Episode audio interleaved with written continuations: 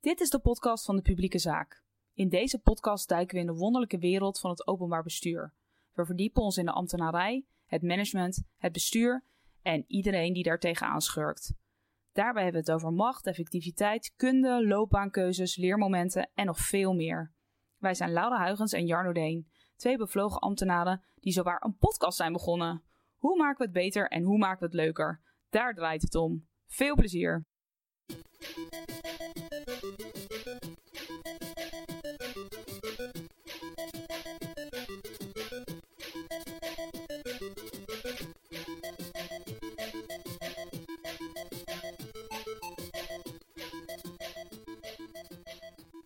Vandaag spreken we met Maud van de Wiel en Marieke Simons. Maud en Marieke hebben jarenlang ervaring als politiek adviseurs van zowel ambtenaren als bestuurders. Met hun bureau Het Politieke Bedrijf geven ze trainingen door het hele land. Ook hebben ze recent een leuk en handig boek uitgebracht, getiteld Het Geheime Handboek: Politieke Sensitiviteit voor Ambtenaren. Met Maud en Marieke praten we over de interactie tussen bestuurders en ambtenaren. Twee heel verschillende werelden. Waarom hebben we als ambtenaren zo snel last van het Sinterklaas-effect? En durven we eigenlijk wel scherp te zijn en vragen te stellen? In deze podcast leren we over hoe het is om in de bijzondere bestuurlijke omgeving te werken die de overheid heet. En hoe je daarin het spel met het bestuur beter en effectiever kunt spelen. Sommige dingen kun je namelijk gewoon leren en trainen. En dat is dan wel weer een bemoedigend idee. En nu over naar de podcast. Weet je, wij zaten te denken, hè. Uh, Jarno is betrokken bij uh, de coalitieonderhandelingen in Hilversum, dus uh, we hebben het er nog eens over. De coalitieonderhandelingen in heel Nederland zijn natuurlijk in volle gang. Ehm, en eh, ja, jullie zijn een, een, politiek adviesbureau.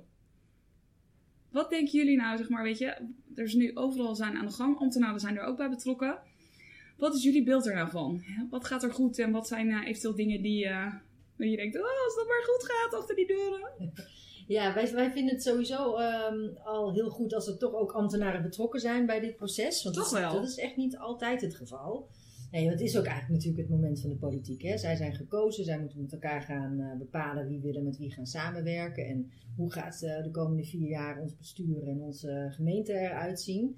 Uh, maar daarbij is het wel goed dat ze ook wel voeding krijgen van ambtenaren soms. Dus He, ook in ieder geval een beetje te testen van gaan we dan de goede kant op. Is het wel betaalbaar of overvragen jullie niet te veel hè, als politiek? Want niet alles kan. Politiek is keuzes maken. Dus uh, ja, wij vinden het ook altijd wel goed als toch ambtenaren daar uh, een kleine rol in kunnen pakken in dat proces. Vinden de ambtenaren zelf vaak wel moeilijk. Want het is heel verleidelijk om te gaan lobbyen voor je eigen onderwerp. En dat is dan weer net niet de bedoeling. Maar de burgemeester en de gemeentesecretaris en de griffier met z'n drieën, we noemen dat het evenwichtsorgaan van de gemeente, die kunnen daar ook een goede rol in pakken. Om te zorgen dat iedereen zijn plek kent en op het juiste moment in stelling wordt gebracht. Ik heb vanuit de politiek wel gehoord dat je eigenlijk uh, dat het een keuze is om er überhaupt ambtenaren bij te betrekken. En dat Ja. het misschien zelfs wel de voorkeur heeft om dat zeker in het begin niet te doen. Ja. Hoe kijken jullie daar tegenaan? Ja, dat snap ik wel. Want dan, eh, als vooral als ze het gevoel hebben dat er allerlei dingen wordt gepusht, hè, toch van, nou ja, voordat ze al begonnen zijn om te dromen, worden, worden ze alweer teruggetrokken naar de realiteit. Dat dat een beetje de spanning is. Eh, dat dat een reden kan zijn om te zeggen van, nou laat nog maar even zitten. Of als we al wat concreter zijn geworden, dan wil ik vooral graag een advies krijgen van ambtenaren erop, maar niet, eh, niet te vroeg. Ze willen zich natuurlijk niet daardoor laten leiden. Dat, dat snap ik ook wel weer. Ja, want sterker nog, Jarno zei tegen mij dat hij... eh, van nou, als ik uh, die coalitieonderhandelingen zou doen, dan zou ik zeggen, wegwezen met die ambtenaren. Ja. Wij gaan bedenken, en het kan allemaal anders. Het kan, nu kan het allemaal op de schop. Ja. En, Ja, eh, ik denk dat Mark Rutte dat ook met terugwerkende kracht graag had gedaan. Er komt nu in de problemen door de dividendbelasting, omdat er ambtenaren zijn geweest die op verzoek hebben gezegd, nou, dat draagt werkelijk niks bij aan niks. Ik zou het niet doen. En dat is nu wel heel onwelgevallig. Ze waren aan het dromen, ze hadden daar een plan. Dat uit de lucht komt vallen, maar Allah. En nu heeft hij wel een probleem, want er is gewoon ambtelijk eh, op geadviseerd om het niet te doen. Dus dat is ook een lastig spel. Ja, wij zien die, die coali- dat coalitieprogramma, wat de politiek Ja. inderdaad ook moet gaan maken met elkaar. Een soort vergezicht, hè, een soort visie, een soort, oké, eh, de komende vier jaar willen we die kant op. Dat mag ook juist heel eh, visionair en, en dromen zijn. Want het is namelijk in het samenspel tussen politiek en ambtenarij, vooral ook als dat stuk er ligt met al zijn mooie visies, de bedoeling dat de ambtenaar gaat nadenken over, oké, als je die kant op wil, hoe kunnen we dat bereiken? En het is natuurlijk niet de bedoeling van dat stuk dat ambtenaren aan de voorkant al zeggen, nou, dat is niet zo'n handige droom. Dus het samenspel is ook precies eerst dromen en beelden schetsen. En, en dat mag ook vaag zijn. En vervolgens heb je ambtenaren nodig om het eh, te vertalen naar concrete maatregelen. Anders ga je het ook nooit veranderen natuurlijk. Precies. Nou, als je begint met backcasting. Ja. Precies. Ja. Ja. Ja. Interessant. Maar is het nou zo dat als ik nu het coali- coalitieakkoord van Amsterdam zou teruglezen van vier jaar terug eh, en zou gaan vinken, eh, dat ik dan teleurgesteld zou zijn over wat er bereikt is? Of hoe kijken jullie daar Nee, dat is wel grappig. Amsterdam heeft halverwege, doen ze ook vaak, hè, colleges, halverwege hebben ze gezegd, waar staan we eigenlijk? En toen bleek dat het coalitieakkoord voor een groot deel uitgevoerd was. Dat is hun frame. Voor een groot deel ook gewoon achterhaald was. En dan hebben ze een update geschreven. Om een voorbeeld te geven, in het coalitieakkoord van Amsterdam uit 2014 stond niets over de drukte in de stad. Dat is pas van de laatste jaren. Maar ja, daar wil je wel iets mee. Dus hè, het was deels al uitgevoerd, deels moest het geüpdate worden. En dan hebben ze gewoon een nieuwe versie gemaakt. Nou, heel goed. Maar politici zijn meer bezig met het coalitieakkoord dan ambtenaren, merken wij wel eens. Ambtenaren beoordelen het coalitieakkoord aan hun eigen normen van uitvoerbaarheid en de degelijkheid en financiële onderbouwdheid. En, en ze hebben de neiging om het stuk ook aan de kant te schuiven, eh, te disqualificeren. Ja, dit is, hier kan je toch niks mee? Zo hier vaag. Zo vaag Zo kan ik helemaal niks mee. dat is echt gedroom. Nee hoor. Terwijl wij juist oproepen, ga dat dan maar vertalen naar een uitvoeringsprogramma. Dat is jullie werk. Ik herken het wel als ambtenaar. Dat het inderdaad het, eh, het, eh, het coalitieakkoord niet per se het, eh, altijd het richtinggevende document is wat het misschien zou moeten zijn. Of nou misschien wel richting, maar heel abstract. Maar sinds ik dicht op het bestuurwerk en echt heel veel met ze te maken heb, gebruik ik het heel veel. Ik, gebruik, ik begin ieder stuk ermee. En eh, eigenlijk al voordat ik jullie training had gehad, eh, eh, natuurlijk heb ik wel echt. eh, maar ook omdat je merkt dat het belangrijker wordt. Dus je komt er vanzelf achter. En het is vooral ook omdat de bestuurders zelf zeggen van, eh, hallo, weet je al. Dit is niet de aanleiding. Het staat in een coalitieakkoord. Hè? Wij willen het. Dat is het belangrijkste. Is het. Oh ja, leermomentje.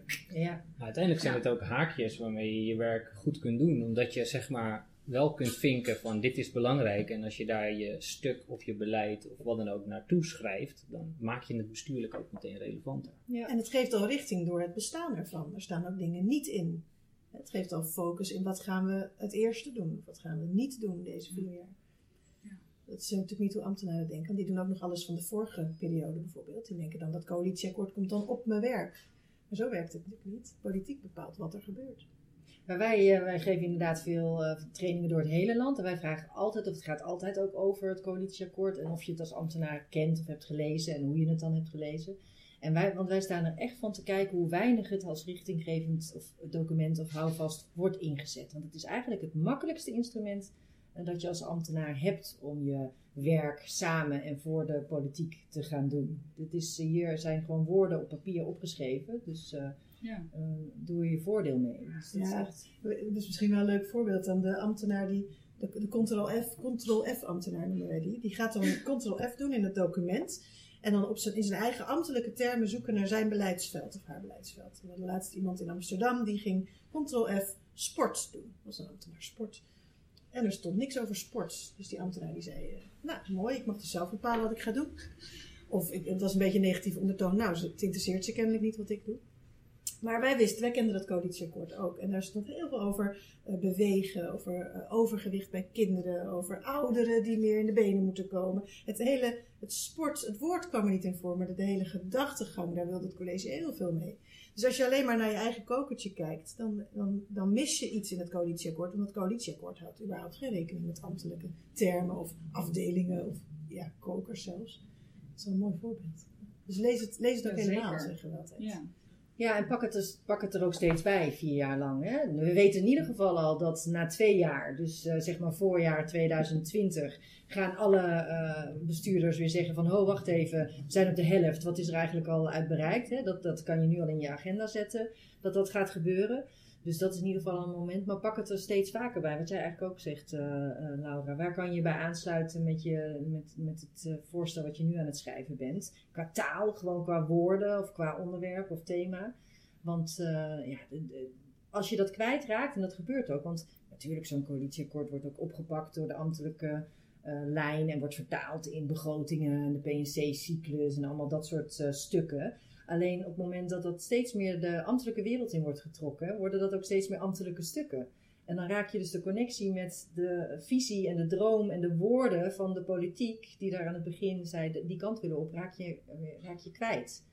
En terwijl als je iedere keer probeert die connectie terug te maken naar dat stuk wat zij hebben geschreven, dan voelt die politiek ook van hé, hey, die begroting is van ons, want dat is in lijn met wat we daar ook al hadden opgeschreven. Het is een heel groot gevaar als je dat steeds verder loslaat en dat het uit elkaar drijft. Dat komt de samenwerking niet ten goede. Ja, ik kan me iets bij voorstellen. Ja. hey, eh, we jumpen er gelijk weer in, zoals altijd. Ja. worden we gelijk de inhoud ingezogen, dat is ook goed. Ehm, maar we zijn eigenlijk wel heel benieuwd eh, naar wie jullie zijn. Zouden jullie iets meer over jezelf kunnen vertellen en over je achtergrond? En, eh, ja. en, en dan zouden we graag willen beginnen ook bij jullie opleiding. Ja. En, eh, en jullie dromen toen je, toen je ooit begon. Ik beginnen? Ja. Ik ben eh, psychologie gaan studeren in Amsterdam. Ik was heel jong toen, 17. En ik wilde eigenlijk de nieuwe Freud worden. Dat leek me echt gaaf. Ik vond dat het ook geheel binnen mijn bereik lag en geen probleem was. Maar ik kwam er heel snel achter dat ik echt helemaal geen geduld heb voor mensen met psychische dingen. Smetvrees of depressies. Of, zo, zo geïrriteerd als ik al een filmpje zag van iemand met een... eh, met een compulsieve stoornis, of die maar bleef eh, de deur op slot bleef doen, of bleef checken of het gas uit was. Ik kon alleen maar denken: get a life, ga iets leuks doen, ga aan het werk. Ik dacht: ga aan het werk. Ik ben arbeid- en organisatiepsychologie gaan doen om die reden. En dat paste heel goed bij mij. Want hoe mensen zich in organisaties gedragen en hoe belangrijk werk is en hoe, hoe zingevend dat kan zijn, dat, dat raakt heel erg aan mijn interesse. Dus dat eh, heb ik gestudeerd. Ben geen Freud geworden. Oké. Maar wat was dan de, de drive erachter om te begrijpen waarom mensen dit doen wat ze doen? Of? Ja. Ja. Waarom mensen doen wat ze doen, waarom ze soms zo onhandig doen wat ze doen, of hoe, hoe organisaties kunnen verworden, hè? zichzelf als heilig doel gaan beschouwen en niet meer vernieuwen. Het ging ook over leiderschap, vond ik ook altijd interessant. Waar heb je gestudeerd? Aan de UvA. Aan de UvA. Ja, ik kom ook uit Amsterdam, dus ik ben in Amsterdam gebleven. Ja, ja. Binnen de ring ook gebleven. Absoluut. Ja. Ja. Verschrikkelijk ben ik. Ja. En wat, wat heb je Oké, Had daarna je wel een gedaan? OV-jaarkaart? ja, die had ik wel, ja. Ja. Die gebruikte ik niet. Ah ja, nee, zo is Ja, grappig. Wat heb je daarna gedaan? Ehm, ik ben tijdens mijn studie eh, stage gaan lopen bij de campagne eh Melkert, PvdA. Dat is een heel groot succes. Dat was eh, in 2001 begon dat. En in, dat, in die tijd kwam, eh, was eh, Srebrenica, het kabinet viel. Pim Fortuyn kwam in de politiek. De euro werd ingevoerd. Dat was het huwelijk van Willem en Alexander. De, de Twin Towers, laten we die niet vergeten, die waren ook in die tijd. En toen werd Pim Fortuyn doodgeschoten. Dus dat was echt de meest hysterische tijd die ik ooit heb meegemaakt. En dat wil wat zeggen, gezien mijn verdere loopbaan, waarover straks misschien meer. Ehm, en ik heb dus in die, in die campagne deed ik de, de, de, de vrijwilligers aansturen en de, de activiteiten voor allerlei doelgroepen opzetten. En, nou, dat was echt heel geweldig. Vond het heel leuk. Maar het was echt een dramatisch, eh, dramatisch einde natuurlijk. Ja. Ik weet die tijd nog wel. Ik ben in 2000 begonnen met studeren. Eh, en eh, in Twente, bestuurskunde heb ik gestudeerd. En dat was, dat was eigenlijk een hele rare tijd in de politiek. En wat ik me nog heel goed kan herinneren is hoe weinig ik van de studie mee, zeg maar, hoe weinig actueel zo'n studie dan eigenlijk is. Hoe weinig je eigenlijk van die dynamiek meekrijgt. We hebben wel colleges gehad over de vuurwerkramp, omdat dat nou eenmaal daar gebeurd is. Maar zoiets als de Twin Towers en de impact en dat hele Pim Fortuyn verhaal. Tuurlijk kwam het wel terug, maar achteraf denk ik wel eens dat... Ik denk dat je het, door het te ervaren, wat jij nu zegt, dat je daar veel meer van leert dan, eh, dan, dat, je, dan dat ze daar op een universiteit mee doen. Ja, dat gaat natuurlijk sowieso. Hè? Maar dat was echt, inderdaad, zaten we heel dicht bij het vuur. Dat was heel eh, bijzonder. En heel, eh, je kunt je er ook aan branden als je dicht bij het vuur zit. Ja. Dat was ook echt heel heftige tijd. Ja, ja. Zeker voor PvdA'ers natuurlijk. Dat is weer echt uitgekotst. Wij moesten echt bij bijeenkomsten op een gegeven moment uit gaan zoeken waar de nooduitgangen waren. Voor als het publiek boos werd. Ja, echt waar? absoluut. Oh, dat is echt heftig, ja. Dus dat was niet leuk. Maar goed. Daarna ben ik eh, heel snel daarna eigenlijk bij Oudkerk gaan werken. Wethouder hier in Amsterdam. Hoe kwam je daar terecht? Ik, ik stond eh, op een PvdA-congres in een hoekje te schelden op de PvdA, als ik heel eerlijk ben. En daar stond nog iemand en die stond ook te schelden op de PvdA. En dat was Oudkerk. Wij zaten samen te kanker op die partijen. Wat ze allemaal niet goed deden. Ze, hè, niet we natuurlijk. Mhm. En toen zei hij, ik word waarschijnlijk wethouder. Moet je de arrogantie voorstellen eigenlijk. Toen kon dat nog. Ik word waarschijnlijk wethouder in Amsterdam. Ik ben lijsttrekker en de PvdA was altijd de grootste. Ja. Vind je het leuk om mijn politiek assistent te worden? Want die vroeg hij daar aan jou? Ja, de wethouder kon dat, eh, kon dat, kan dat bepalen. Hè? Zelf, Ja. zelf eh, ze zoekt iemand uit of neemt, neemt iemand mee. En toen heb ik dat gedaan. Dus eh, eigenlijk vlak na, de, na dat, dat rare einde van die campagne door Pim Fortuyn ben ik naar Amsterdam gegaan. En daar viel ik met mijn neus in de boter, want Oudkerk had toen net iets gezegd over kutmarokkanen. Dus dat was in volle beveiliging met nou, nogal wat hysterische tijd. Dus ik kom meteen door in de hysterie. En dat heeft eigenlijk twee jaar geduurd totdat Oudkerk viel. Dus eh, dat is wel bijzonder eh, innoverend. ik vergelijk het wel eens met in de zesde versnelling op de snelweg rijden en dan iemand die heel hard aan de handrem trekt. Dat, zo voelde die campagne en het, en het feit dat Fortuyn werd vermoord en de campagne werd stilgelegd. En ze voelden het twee jaar later weer toen Oudkerk eh, viel. Want in Amsterdam werkt het zo dat iedere partij eh, zelf ook de ondersteuning kan regelen. Dus Ouderk nam jou mee als, als politiek Ja, je hebt adviseur. bestuursadviseurs en politieke adviseurs in Amsterdam, toch? Ja, klopt. Ja. Dus toen hij viel was jij ook meteen je baan kwijt. Meteen, ja. ja. Stond ik bij het UWV, waar ik de dag daarvoor nog stond, omdat Rob uh, Oudkerk ook over de sociale zaken ging. Uh, nou goed, dus stond ik daar opeens een uitkering aan te vragen. En ik weet nog dat ze zeiden, ja, dan had u een maand geleden al moeten aankondigen dat u uw baan kwijt zou raken. Ik, dacht, ik wist niet dat ik mijn baan kwijt zou raken. Ja, vreselijk. Ja, want het moet wel echt vreselijk zijn geweest. Ja, dat is heel heftig. Ik Ja. was toen 25 of 26. Oh, jeetje. helemaal niet uh, nuanceren. En eigenlijk kwam al die shit van Pim Fortuyn en die tijd eigenlijk ook weer terug. Dat ik nooit bij stilgestaan. Letterlijk niet. Dus uh, ja, Maat weet het nog wel. Dat was een, ik denk dat ik een half jaar lang eigenlijk alleen maar kon huilen. Dat is heel leuk. Oh, echt waar. Ja. Ja, oh, maar dat is ook wel mooi, weet je. Want uiteindelijk, ehm, als je wat ouder bent, kun je dingen wat beter nuanceren. Maar zeker op die leeftijd, als je, als je eigenlijk netwerkt, Ja. kan ik me voorstellen dat je dan helemaal niet eh, kan relativeren of kan zien hoe, dat dan, hoe dingen werken. Weet je, je denkt, dat je, je denkt dan dat je heel wijs bent. Dat ben je natuurlijk ook wel, terwijl je dat je 18 bent, maar je bent ook nog heel jong. Ja, ja, klopt. En je kan sowieso niet nuanceren, want die baan van politiek adviseur, daar ga je echt met heel je hebben en houden in. Dat is echt, uh, dat, dat is, je maakt dagen die niet normaal zijn. Nou, maar ik ken Mout van dat werk. Mout was ook politiek uh, adviseur, assistent heette dat. Dus uh, dat zijn ook al banen die je opvreet met de huid en haar. Ja, want dan ben je alleen maar daarmee bezig. Alleen maar daarmee bezig. Het is eigenlijk alsof je ook in de politiek zit, maar dan Ja. omdat je de rechterhand bent van. Ja, absoluut. Ja. Ja. Hey, Mout, kun je dan, uh, dat is denk ik een mooi bruggetje, kun Om je weer iets- terug te gaan om, even, uh, om even naar jouw uh, begin te kijken. Ja, hoe ben ik daar terecht Ja, gekomen? ja. Ja, dat is inderdaad ook via een hele uh, een, een rare omweg. Of een beetje. Nee, ik ben ehm, gaan studeren. Ik, kom uit Brabant zelf en ik ben in Amsterdam eh, gaan studeren ehm, confectiekunde. Ja, Oké. Ja. Wat is dat precies? ja, precies.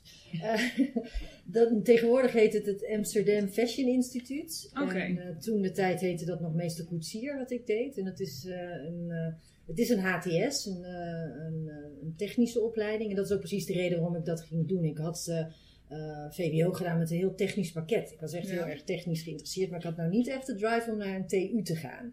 En deze opleiding was zowel technisch als commercieel, confectiekunde. Het is eigenlijk een soort bedrijfskunde voor de confectieindustrie. Dus het maken Ah, van oké. kleding, maar daar komt natuurlijk veel meer bij kijken. Er komt heel veel commerciële processen, logistieke processen, ook soort modepsychologie. Het is natuurlijk ook een creatieve branche, dus dat is een enorme brede eh, vakschool eigenlijk voor die, voor die industrie. Die bestaat al heel lang en eh, die, die kwam ik tegen toen ik me ging oriënteren van wat voor eh, vervolgopleiding wil ik doen.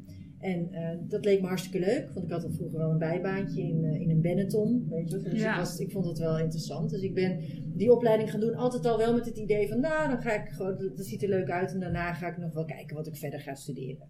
En zo is het eigenlijk ook een beetje gelopen. Het was een hele leuke opleiding. Hij was alleen in Amsterdam, dus het was ook, ik ging dan dus naar Amsterdam. Achteraf heel blij dat, eh, dat ik die stap heb gezet. Nou, dat was niet, het was meer voor de opleiding dan voor de stad. Ja, Dat kan natuurlijk, ja, dat zie je ook wel eens andersom. Ja, ja, precies. En eh, heel leuk gehad en eh, hele goede vrienden aan overgehouden nog steeds. En hele leuke ervaringen opgedaan met stages op allerlei leuke plekken en dat soort dingen. En na die vier jaar, toen dat eh, klaar was, eh, of eigenlijk wist ik na drie jaar van ik wil hierna bestuurskunde gaan studeren. Dus eh, een beetje een rare combinatie. Ja, waar komt dat, bestuurskunde. ja, waar komt dat vandaan? Ja, dat komt dan toch stiekem vandaan dat ik ehm, uit een nest kom waarbij mijn ouders toch ook altijd al heel politiek actief waren en daarmee bezig waren. Dus ik vond toch stiekem het openbaar bestuur en de publieke zaak veel leuker dan ik toen op mijn achttiende dacht. Maar toen ik zo rond de twintig was, toen eh, werd dat toch wel duidelijk dat ik dat leuk vond. Zelf politieker geïnteresseerd werd en ook actief werd om iets te gaan doen eh, bij eh, de PvdA in dit geval ook. En eh, die studie leek me heel leuk. Dus dat ben ik hier in Amsterdam gaan doen, bij de UvA ook. Ik heb ook op de UvA gestudeerd. En eh, ja, de, de bestuurskunde, want jij hebt ook bestuurskunde gedaan in Twente. Maar de- Ja. iedere universiteit heeft Klopt. een beetje zijn eigen kenmerken. Ja. Van, eh, en in Amsterdam is het eigenlijk heel erg politiek, bestuurskunde. Dus eh, dat vond ik ook eh, heel leuk om te doen. Dat is een soort kopstudie. En tijdens die studie ehm, kwam ik een, een aankondiging tegen van een traineeship bij de gemeente Amsterdam. En toen dacht ik van, ah, een traineeship, dat klinkt, klinkt wel heel leuk. Dan mag je gaan werken zonder dat je echt eh, gaat werken. Dus Ja. dat was me op lijf geschreven. Ik dacht, oh, dan kan je een beetje leren werken. Dus dat leek me hartstikke leuk. Dus daar had ik me toen eh, voor eh, aangemeld. En uiteindelijk ook terechtgekomen bij, bij Amsterdam. En zo mijn werkzame carrière begonnen. En ik weet nog wel dat ik heel brutaal eh, zei, want ik was ook wel een beetje politiek actief. Dus ik wist ook wel een beetje hoe het op het stadhuis verder eh, ging. En ik had er zoiets van, nou, zo'n politiek assistentenbaantje lijkt me wel heel erg leuk. Want dan zit je echt wel bovenop het vuur en zie je alles. En, eh, dus dat leek me heel leuk. Dus dat ging ik ook heel brutaal gewoon zeggen. Van, ah, eigenlijk als ik iets ga doen hier, dan wil ik eigenlijk wel politiek assistent worden. En, maar omdat je dat dan zo brutaal zegt, dan horen mensen dat ook. En toen op een gegeven moment een politiek assistent van een wethouder eh, wegging, eh, toen dacht ze, hé, hey, er moet iemand mij opvolgen. Wie zou dat kunnen doen? Nou, daar nog eh, een leuke trainee rondlopen. Misschien kan die het wel even tijdelijk doen. Dus op die manier werd ik gevraagd om voor een wethouder tijdelijk dan in ieder geval assistent te worden.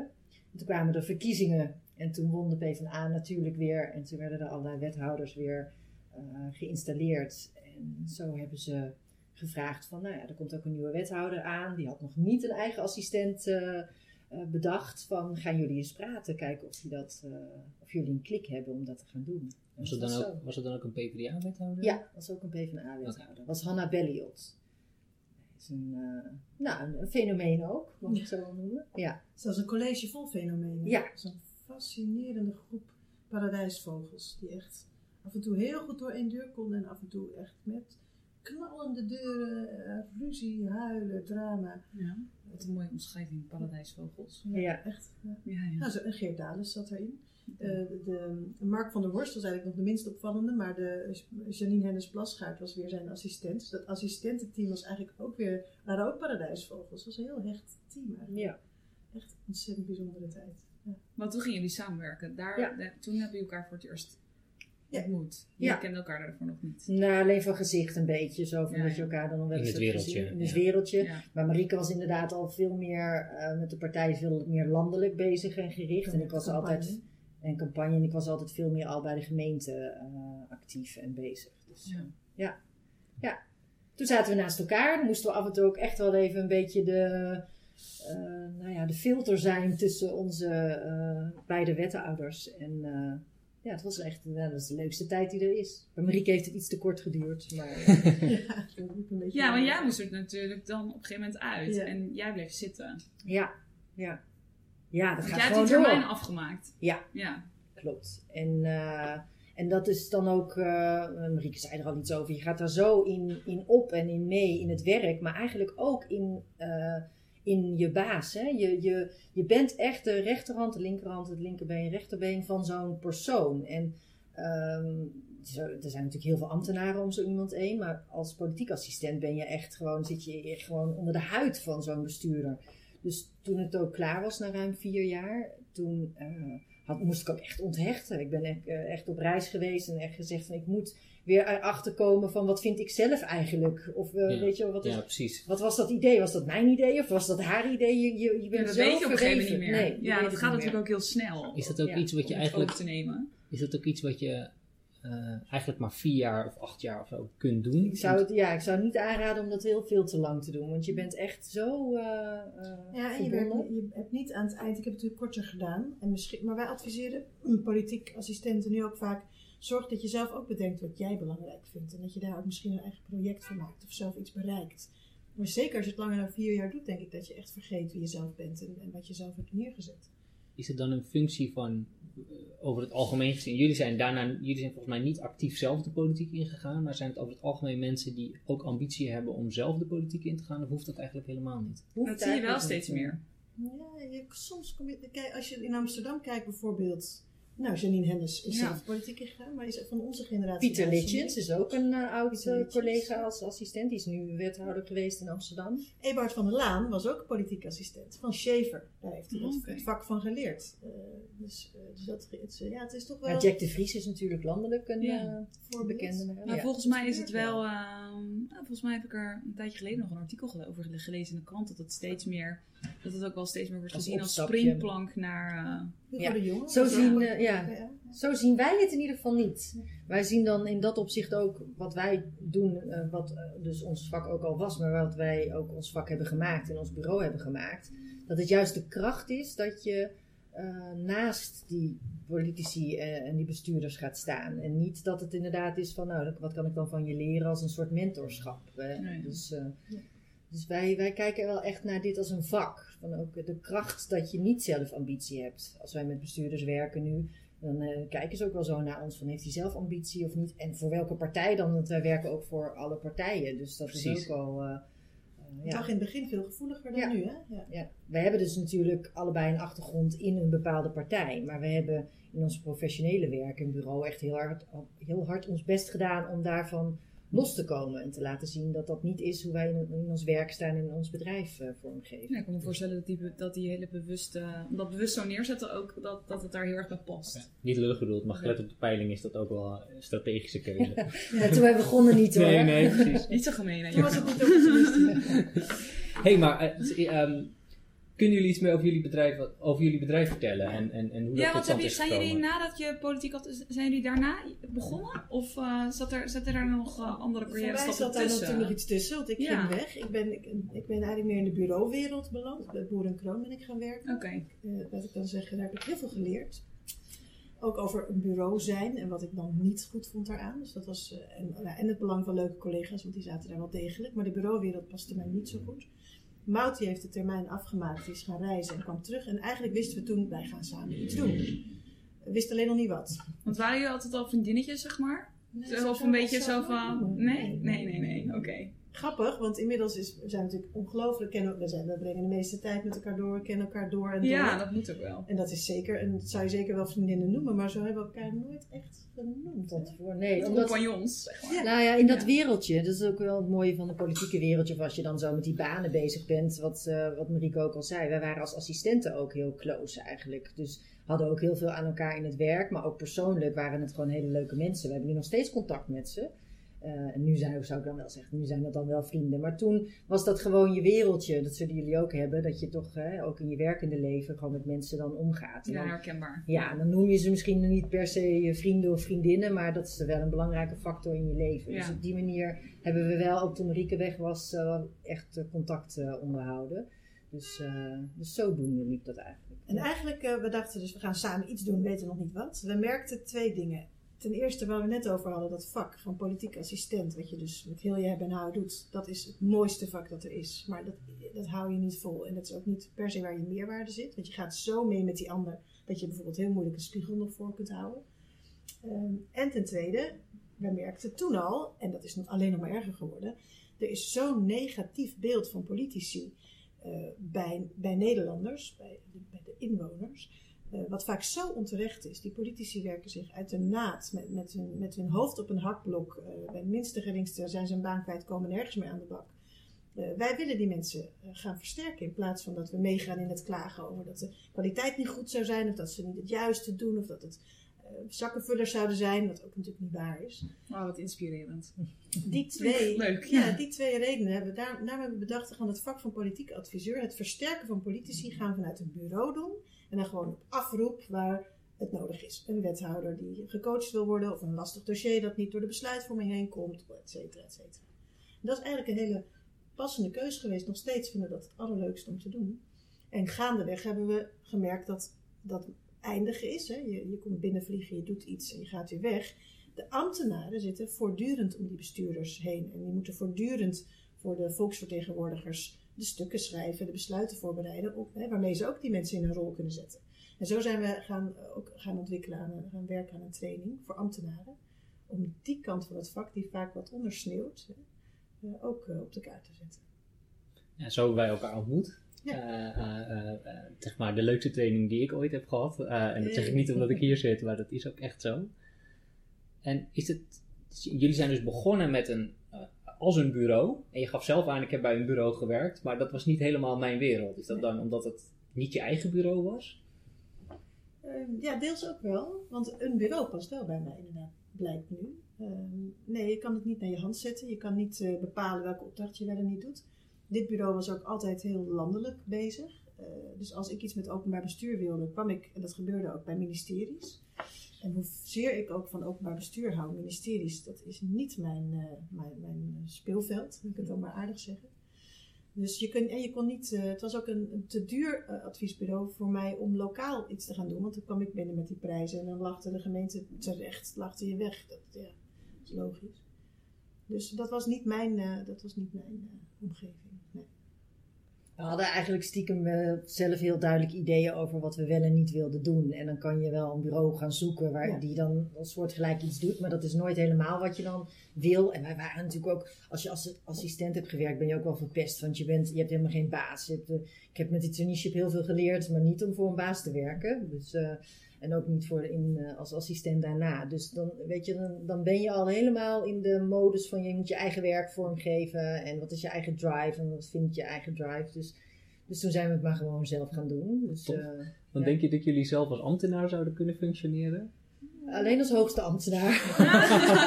Ja, dat is grappig. Dat is een, dat is een antwoord. En Marieke antwoord is ja, maar dan als bestuursadviseur. Of in ieder geval heel dicht tegen die wethouders aan. Ja, ja. Dat zou ik eerder doen, denk ik. Ja. Maar gewoon het nederige werk in een lijn met een hiërarchie. Hebben we enorm respect voor. Daar hebben we enorm respect voor. Dat is niet makkelijk. Nee. Nee. We roepen in onze training ook wel eens op tot een beetje ambtelijke ongehoorzaamheid. En waarom is dat niet makkelijk? Waarom hebben jullie Ja, daar het alleen voor? al dat je een stuk, ik heb dat in de PvdA ook meegemaakt, en dat zijn natuurlijk ook ambtenaren als je niet uitkijkt, dat een stuk wat jij maakt, waar jij achter staat, nog twaalf lagen door moet en iedereen gaat daar weer in zitten, zitten veranderen en je herkent het aan het eind niet meer terug. Dat lijkt me heel moeilijk om daar nog beroepseer uit te halen. En in onze trainingen zeggen we, je moet er toch naartoe bewegen en vragen waarom het dan veranderd moet worden in die politieke wereld, omdat je ervan kan leren. Maar hebben wel respect voor het geduld dat jullie daarvoor opbrengen hoor. Ja, en eh, ook wij in onze trainingen en in ons boek vertellen we het er ook over. Wij kijken heel erg naar een ambtelijke wereld en een politieke wereld en hoe verschillend ze zijn. En daar wonen dus ook hele verschillende mensen op. Dus ik- daarom hebben we heel veel respect voor dat eh, een bepaalde bevolkingsgroep woont op die planeet van die, eh, van- die ambtenaren. En inderdaad op de andere planeet wonen hele andere mensen. En het feit dat dat zo verschillende eh, bevolkingsgroepen zijn, is de kracht weer van onze democratie. Zo kijken wij daarna. Dus dan ga je natuurlijk ook zelf een beetje kijken van waar hoor ik zelf meer thuis, waar, vind ik, waar voel ik me prettig bij. En dan moet ik zeggen, wij voelen ons ook echt het prettigste in die overlap. In dat snijvlak. in dat snijvlak, Ja. precies. En dat is ook precies eh, ons eh, vak geweest en ons- waar we ons bureau eh, op hebben, hebben geënt. Ja. Hey, en kun je iets over die, eh, eh, eh, ehm, over die opstartfase vertellen? Want jullie hebben nu al, en het bureau bestaat al, al, al heel lang, zeg Elf ik even. ja. Elf jaar. Eh, dus is het zeg maar meteen goed gegaan? Kun je daar iets over vertellen? Want ja, ik ben, eh, ik, vind het heel tof en inspirerend zo'n ondernemend verhaal. Zoals dat soort, die ondernemingsverhaal. Maar ja, ik ben ambtenaar, dus ik kijk, ik denk dan van ja, hoe doe je dat dan? Hoe doe je dat? Hoe ja, begin je dan? inderdaad. Ja, wij hebben natuurlijk wel ook het geluk, want ik, ik sprak van de week weer iemand anders die ook aan het ondernemen was. Wij verkopen gewoon onze ideeën en onze adviezen en onze tijd en onze inspiratie, zeg maar, en onze energie soms ook. En daar hoeven we weinig voor in te kopen. Dus als je het eh, vergelijkt met een ander bedrijf die ook echt daadwerkelijk eh, producten moet gaan inkopen, daar iets eh, waarde op creëert en dan weer moet verkopen, daar heb ik ook altijd enorm respect voor. Dan denk ik, jeetje, hoe krijg je dat voor elkaar en hoe reken je dat allemaal uit? En bij ons is het natuurlijk in dat opzicht iets, iets makkelijker. Maar in het begin, we zijn gewoon gaan nadenken van wat, wat zouden onze producten dan kunnen zijn, weet je? Dus dan ga je producten ontwikkelen. Dat is eigenlijk dan hoe je begint. En daarna natuurlijk de gewetensvraag. Ja, wij vinden onszelf dan politiek sensitief. En we denken ook dat je het kunt leren. Maar hoe in godsnaam? Dat was een term, een begrip dat nog helemaal niet bestond, waar nog helemaal geen training over waren. Dat hebben we echt door schade en schande hebben we dat geleerd. En nu weer trainingen gegeven, weer gemerkt dat het toch anders moest. Daar hebben we echt elf jaar aan, ge, aan gesleuteld, ja. En nou ziet het er zo simpel uit dat je denkt, ja, wat is dat nou eigenlijk voor bijzonder? Maar dat is omdat we er zo goed over na hebben gedacht. Maar de realiteit komt altijd achteraf. Ja. Ja. heb ik geleerd. Ja. En Ja. een van de producten waar jullie aan gewerkt hebben, eh, eh, in die elf jaar, of in ieder geval de laatste zeven jaar, als ik het, eh, als ik het me goed herinner, eh, dat is een boek. Ja. En dat, dat lieten jullie net al een beetje vallen. Kunnen jullie daar iets meer over vertellen? Ja, we wilden al heel lang inderdaad onze eh, ge- gedachten en modellen en hoe wij, eh, daar ligt hij op tafel, ja, heel mooi. Het geheime handboek heet het, ja.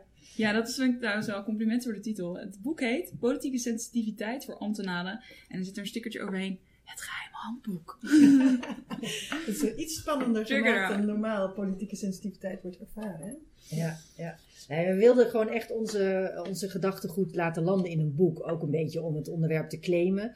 Eh, er zijn best wel wat boeken geschreven over politiek-ambtelijke verhoudingen, heet dat dan. Allemaal van die saaie termen. Maar dat speelt zich voornamelijk af op eh, rijksniveau. Dat is waarschijnlijk ook een veel makkelijkere eh, niveau om te onderzoeken. Hè? Dan heb je een soort N-1 en dan ga je daar slimme dingen over zeggen.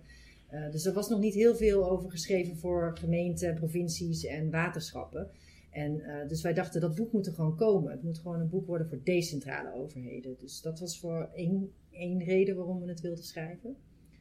En we deden ook al een opleiding met de Universiteit Utrecht, met Harmen Binnenma. En we dachten dat is een mooie combinatie om een boek te schrijven dat over de theorie en de praktijk gaat. En dat mist natuurlijk ook nog wel eens. Nou, jij zei het net eigenlijk ook, eh, dat de studie niet altijd aan de realiteit raakt.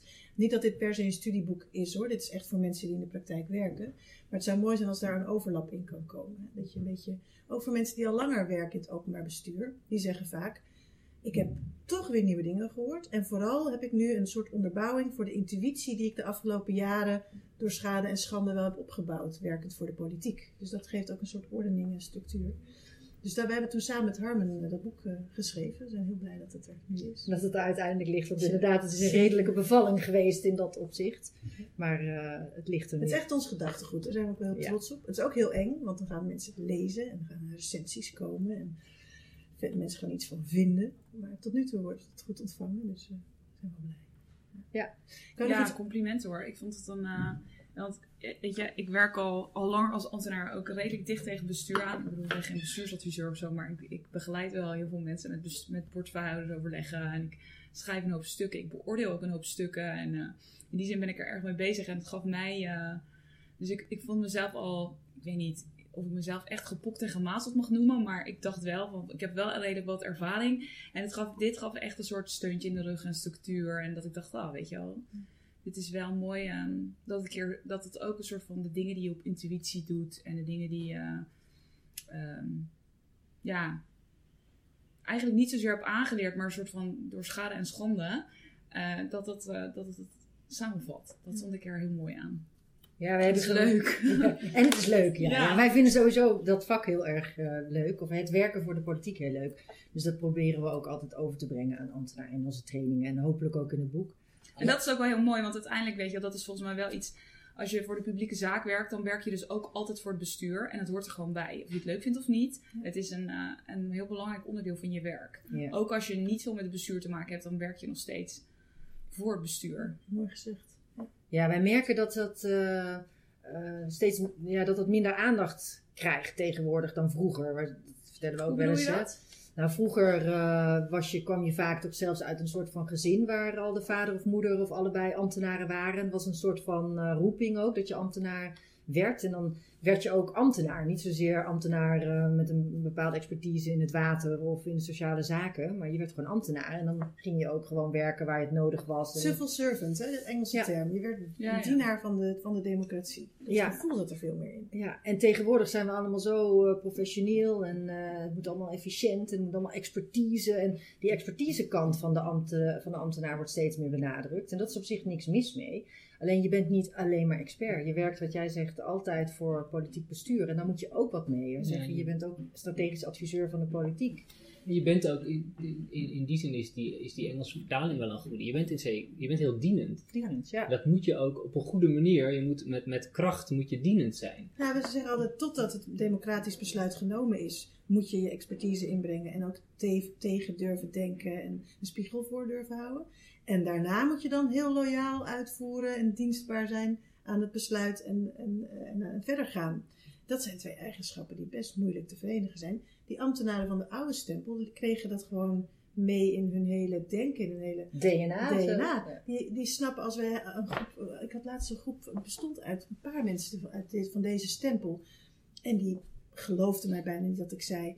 Eh, het is voor ambtenaren soms heel moeilijk om tegen te denken. En, eh, het, is moeilijk. Je hebt, aan de ene kant heb je heel veel respect en durf je niet. Aan de andere kant vind je van alles van, hun, hè, van de inhoudelijk capaciteit van een wethouder. Dus je hebt soms een beetje dédain. En ga daar maar eens, eh, ga daar maar een goede ambtenaar van worden. Mensen van de oude stempel begrepen het niet. Ik, ga, ik loop gewoon binnen bij een wethouder en ik zeg het als ik het niet met hem eens ben. Dat, dat mag toch gewoon? En, en daarna ga ik gewoon uitvoeren. Dat moet dan toch gewoon? Want hoezo is dit dan nieuw? Hoe kan dat nou? En allerlei jongere eh, collega's zeiden: ik, ben, ik heb hier een functieomschrijving. Ik ben aangenomen om het onderwijs hier zo goed mogelijk te regelen. En als die politici hun stukken niet lezen, dan kunnen ze niet goed hun werk doen, vind ik. Want het gaat om de expertise. Het is zo complex geworden, dat is dan eigenlijk heilig verklaard.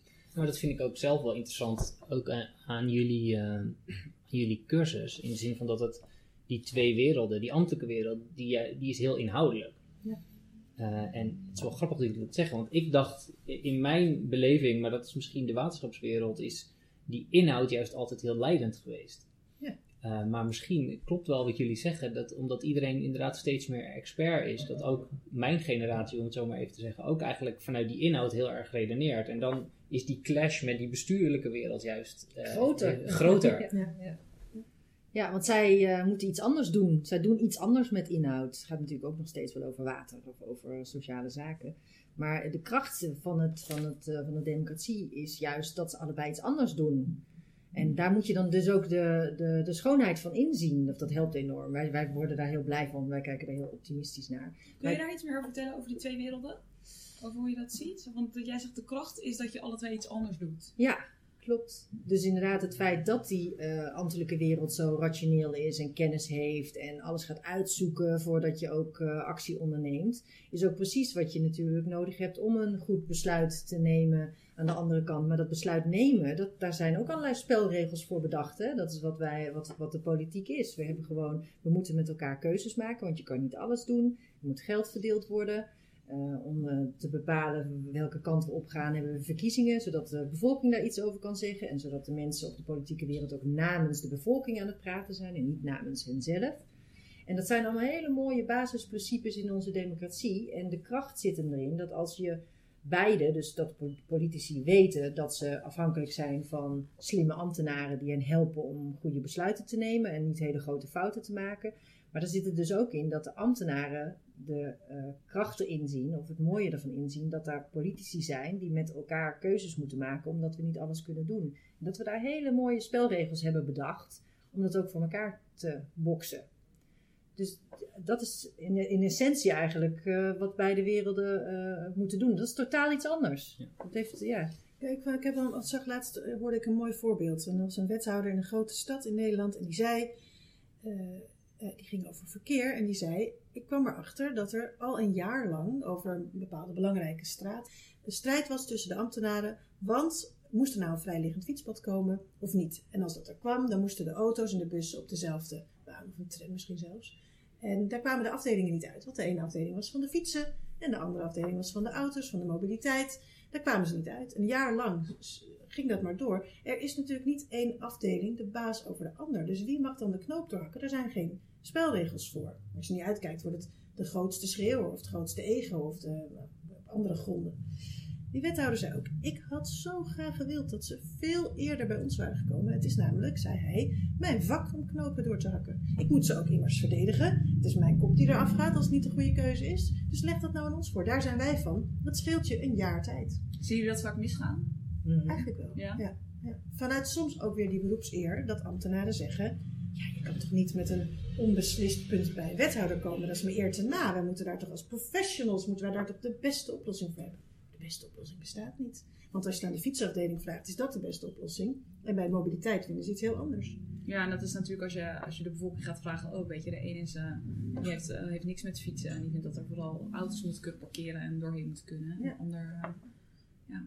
Ik vraag me af of dit raakt aan een van de dingen uit jullie boek, um, waarin jullie eigenlijk zeggen dat het goed zou zijn om uh, zo min mogelijk management aan tafel te hebben met de bestuurders. Dat het goed is om de inhoudelijke mensen ook daadwerkelijk met de bestuurders te laten praten. Terwijl er uh, in verschillende soorten organisaties juist een dynamiek is dat dat eigenlijk zo min mogelijk gebeurt. Ja, dat was, daar was ik ook door getriggerd. Want volgens mij is dat bij heel veel organisaties is dat een soort, eh, een soort golfbeweging. Dat, dat de bestuurders er weer dichter op komen en de ambtenaren en bestuurders dichter op elkaar komen. En, dan, en soms zie je het dan weer verder, verder wegdrijven, weet je wel. Toen ik, ik, ik, ik heb een tijdje in Almere gewerkt.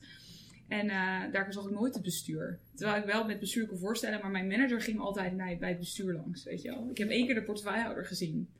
En denk je dat zo'n voorbeeld, bizar. zoals wat je net noemde, zou dat, eh, eh, zou dat een reden kunnen zijn? Omdat het, de, de inhoud te ver weg van de bestuurders gehouden wordt, ook omdat het met management is? Of is dat een, een gekke gedachte? Ik denk, niet, denk dat er hier meer eh, Opties zijn. Er zijn hier meer heel veel opties, opties. maar ja. dit is ook volgens mij een kwestie. Dit is echt wat ik zeg. Wat ik, wat ik denk dat er gebeurd is, is beroepseer. Dat Ja. je nu echt van overtuigd bent dat je echt redeneert vanuit de waarden. Wij moeten hier bepalen, hè, wij moeten hier uitkomen en dan ben je dienend en leg je de beste oplos- hè, oplossing voor. Vanuit een soort trots ook. Ja, dat herken ik wel. Ja.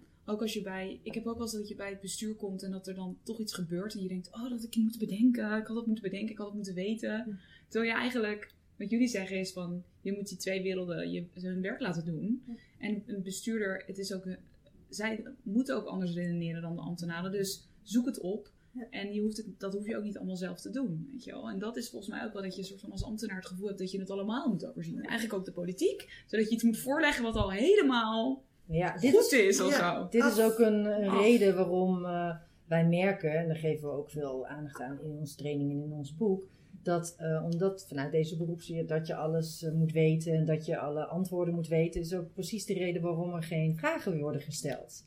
Wij merken dat zeker aan tafel, als ambtenaren aan tafel zitten bij de eh, bestuurder, er nooit eh, bij de, aan de bestuurder, dus aan de, eigenlijk ook de politieke wereld, van vragen worden gesteld. Van wat hebben jullie nodig? Wat gaan jullie ermee doen? Hoe kijken jullie naar die inhoud die wij allemaal zo heel goed hebben voorbereid? En dat is wel, dat is de grootste sleutel om die samenwerking toch voor elkaar te krijgen. Je kan niet samenwerken als je niet weet hoe die ander kijkt. Dat, Krijgen jullie dat ook terug van bestuurders? Altijd. We Altijd. zeiden een paar jaar geleden nog heel politiek correct. 99% van de bestuurders wil meer vragen, maar dat is gewoon 100. Wij vragen het altijd, want wij stellen heel veel vragen. Vragen. Krijg je genoeg vragen? Nee. En niet omdat vragen nou per se heilig Wat gebeurt zijn. er dan? Nou, dan krijg je wethouders zeggen dan bijvoorbeeld: Ja, het is best karakterverpestend hoor, die politiek. Want er zitten dus allemaal mensen om je heen die ja knikken, letterlijk. En dan zeggen dat ze gaan doen wat jij wil. Waardoor jij al denkt: Nou, dat was dus een briljant idee van mij. Wat helemaal niet zo hoeft te zijn. En dan komt er vaak ook nog helaas de teleurstelling van: Ze knikten wel, maar ze deden het niet eens. Dus waarom zeggen ze dat dan niet aan tafel? Hebben ze me dan niet begrepen of zijn ze me hier aan het ondermijnen? Nou, als een bestuurder zo'n vraag eenmaal gaat stellen, dan ben je echt ver van huis. Dus dat is heel zonde. Ja, dit, en dat is, dit kan dus ook een reden zijn waarom bij sommige organisaties ze zeggen van we zetten niet die penvoerder aan tafel, want die durft om een bepaalde reden geen vraag te stellen, of in ieder geval stelt het niet. Het management dan misschien nog wel, of in ieder geval om ervoor te zorgen om, als een soort Dat het- bescherming. Dat van, het kan, is vaak de reden. Hè? Van, eh, iets toezeggen betekent ook uren. Ja, eh, uren ook dat. Dus, dus dat, ja, dat er niet over gevraagd wordt van Ja. de bestuurder. Ja, ja. Maar het is ook wel volgens mij gewoon dat er in heel veel organisaties een soort cultuur is waarin het niet doet. En dat je het niet zo goed durft. En als je er dan, je bent er niet zo vaak. Hè? Veel mensen komen niet zo vaak bij het bestuur. Of als je er een keer komt, dan heb je dan heb je, je voorstel onder je arm. Zijn bestuurders eng? ja zeker. Ze bijten ook soms. Ja? Ja joh, echt gevaarlijk. Sommige bestuurders zijn wel eng. En sommige bestuurders die hebben wat wij eh, noemen het Sinterklaas-effect eh, bewerkstelligen. ze. Dat zijn, eh, eh, ken je het Sinterklaas-effect? Vertel. Vertel. Het Sinterklaas-effect, dat is eigenlijk het verschijnsel. Als hier nu Sinterklaas binnen zou lopen, ook al zijn we allemaal groot en uh, geloven we niet meer Sinterklaas. Als hij hier binnenloopt, in vol ornaat, gaan wij toch allemaal even net iets rechter zitten. Oeh, Sinterklaas is er. Oh, Sinterklaas is er. Wat gaat hij vragen? Wat gaat hij doen? Wat, Ja. wat, wat weet hij van me? En dat staat er in dat grote boek. En wat gaat hij vragen? Wat gaat hij doen? Ook al weten wij ook best dat dat gewoon onze buurman in een pak is. En eigenlijk zijn wethouders niet meer of minder dan buurmannen en buurvrouwen in een pak. Het is een instituut natuurlijk, zo'n wethouderschap. En je moet er ook met respect mee omgaan. Maar het zijn ook gewoon mensen. Ja, Die ja. niet vanaf dag één precies een uitgekristalliseerde visie hebben. In, eh, uitvoeringsprogramma erbij, financiële onderbouwing helemaal op orde. Die jou daar een opdracht gaan geven. Dat moet in samenspraak. Zij hebben jou nodig en jij hebt hen nodig. Ja, en die samenwerking die moet dan juist daar aan die tafel gebeuren. Dus daarom is het sowieso goed als jij die stukken moet schrijven. Dan is het wel fijn als je ook aan tafel kan zitten en dat je direct dat gesprek gewoon kan hebben. Maar dan komt die. Van wat is dan de reden waarom het toch niet lukt om gewoon een gesprek te hebben? Wat je dan wel eventueel met je collega's kan hebben of met je ambtelijke baas. Maar dat het dan zo lastig is of moeilijk is om dat aan tafel met zo'n bestuurder dan ook gewoon normaal te laten verlopen. En dat is, dat is eigenlijk eh, de, de interessantste vraag. En ons boek, daarom is het ook een handboek, probeert daar zoveel mogelijk ook tips voor te geven. Van hoe kan je dat gesprek, als je daar aan tafel zit, nou ook zo goed mogelijk laten verlopen. Ja, wat ik, eh, eh, want wij hebben jullie cursus gehad. eh, en wat ik daar interessant aan vond, is dat het geeft je, het geeft je in die zin ook, ja, ik wil handvatten of handvaten. Ik zeg, vergeet dat hoe je dat nou goed moet zeggen, maar hè, het geeft precies dat, hè, een, een soort toolbox om het goede gesprek te voeren. En omdat wij daar ook met elkaar over ge- gesproken hadden tijdens die cursus, bedenk je ook weer hoe weinig bewust je eigenlijk met zo'n voorbereiding bezig bent. Want je laat je toch vaak door de waan van de dag en dan, ga je dat, dan stap je dat hokje weer in en dan denk je aan het eind, oh, dat had toch ook anders gemoeten. Dus het is ook een soort bewustwording dat je ook, ook echt aandacht aan zo'n gesprek moet besteden. Ja, hoort ook volgens mij bij altijd twee eens een dynamiek dat wij niet zo goed zijn in voorbereiden. Dus dat moet je dan heel bewust doen. Maar dan nog zie je dat heel vaak misgaan. Of dat je denkt, ik ga dat doen. Heb je, dan kijk je op de agenda en heb je 15 minuten in, je, in je bestuurlijk over, hè, in, je, in, je, in je voorbereiding met je bestuurder. Dat je denkt, nou 15 minuten, oké, we wil ongeveer dit bespreken, we hebben het stuk. En dan kom je daar en dan loopt het al een half uur uit. Dus dan zit je hè, in het voorportaal, zoals bij de tandarts, zit je daar te wachten op het bankje. Tot jij naar binnen mag. Ja. Ja. En dan heb je nog maar vier minuten. En dan? En dan zit er een manager soms nog naast je op zijn horloge Ja. te tikken. Ja. Dat helpt ook niet. Ja, maar uiteindelijk, klopt, ja. uiteindelijk is denk ik ook mijn belangrijkste les, is dat je eh, je collega's moet vragen om ook voor Sinterklaas te spelen. Omdat eh, oefenen helpt.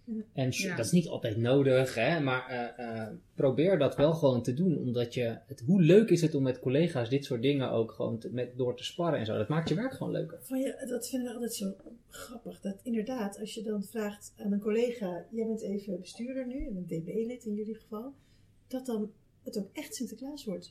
Sterker nog, we merken in die oefening vaak dat dan ambtenaren u gaan zeggen. Gewoon tegen Piet, hun collega waar ze elke dag naast zitten, hè? u opeens. Of zich anders gaan gedragen, of de meest voor de hand liggende vragen niet meer gaan stellen. Of, zo grappig hoe snel dat werkt. Ja. Weet je, heb je dat ook ervaren? Ja, ja, dat klopt wel. Ja, je gaat toch, het is een rollenspel en dat Ja. denk je, weet je, dan, je kunt dan denken, ja, rollenspel, eh, maar zo werkt het wel gewoon. Ja. En, dat is ook, en daardoor leer je er ook wat van. En het is heel goed om te oefenen, absoluut. Ja. Dat we ook inderdaad door de hectiek vaak zien dat er geen tijd is om voor te bereiden. En als die er is, dan is het weer een inhoudelijke voorbereiding. Wat had ik ook weer opgeschreven in mijn stuk? En niet, wat heb ik nodig aan het eind van dit gesprek? Of wat wil ik vragen? Wat, heb ik, wat wil ik weten van die bestuurder? Dat is zo herkenbaar. Het eerste wat ik ga doen is dat ik toch het stuk nog een keer ga lezen. Ja, alsof jij niet al meer heb nou, inhoud hebt. heb nou vertrouwen dat je die inhoud Ja. gewoon kent. Ja, beter dan een bestuurder. Die heeft zoveel dossiers op zijn op zijn bureau, of op haar bureau. Maar heb je er nog tips, weet je wel? Wat, wat ik zo, om om zo'n zo'n situatie die net omschrijf, dat je denkt dat je een kwartier hebt en dat je vooral je inhoudelijke stuk hebt gelezen. Want dat doe je, hè? Ga je nog even het stuk lezen. Ehm, je ziet mensen ook altijd met die uitgeprinte stukken lopen. Ook al heb je een iPad, maar ja, dan kan je er. Hè? Ja, weet je wat het is? Een, een, eh, bestuur, een bestuurder is dus enorm afhankelijk van zijn adviseurs. En eh zit er af en toe te, eh, zo te kijken van ja, oké, wat kom je hier doen? Wat heb je van me nodig? Hè? Dan zeggen wel eens wie ben je, waarom praat je tegen me? Dus het is, eh, die heeft ook maar vier minuten, die voelt zich ook opgejaagd. en ehm, het, het, kan, het helpt enorm als eh, zo'n bestuurder een, een adviseur tegenover zich krijgt die gewoon zegt van ik heb maar vier minuten. Eh, ik, ik heb dit nodig, om, eh, dit en dit van je nodig om verder te kunnen met het stuk. Dus daar gaan we het dan nu gewoon deze vier minuten over hebben. En de rest laten we even zitten, weet je wel. Dat is ook voor een bestuurder niks lekkerder dan... Oké, dan weet ik in ieder geval wat de bedoeling is en wat je van me vraagt. Ja. Ja, er wordt dan... hoe meer eh, tijd, of hoe minder tijd er is, hoe meer er gepraat gaat worden, is eigenlijk eh, eh, Ja. een beetje wat je nu ziet gebeuren. Terwijl je, ja, je, je moet gewoon wat sneller tot de kern komen. Van dit Het is, echt scherp maken. ja, maar dat is wel maken. moeilijk. Want ik lees, ik lees veel mee met, met stukken van collega's. En dan valt me ook wel vaak op hoe, vaak, hoe breed vaak de vraag is. Hoe breed de stukken zijn. Eh, en als je ook helemaal in het onderwerp zit, is dat ook moeilijk. Ja, maar hoe je dat kunt... eh, ja, Ja, en hoe je moet sowieso maakt hoe moeilijk dat is. Ja, de tip is ook om op te houden met eh, stukken ter informatie sturen. als er geen duidelijk doel is, of als jij niks nodig hebt van een bestuurder, stuur het dan lekker niet. Nee, als jij in die wachtkamer zit en jij ziet eh, negen minuten wegkloppen en jij zit te denken voor, oh ja, ja, ik moest dus tot de kern komen. En jij kom, kan niet tot de kern komen, kan je het ook tot de conclusie komen, het heeft, ik hoef niet eens die vier minuten daar te gaan zitten, want ik heb eigenlijk helemaal niks te zoeken daar. Ja. Dus waarom ga ik er dan naartoe? Dan geef ik die vier minuten nu wel aan iemand anders die wel iets moet bereiken daar. Ja.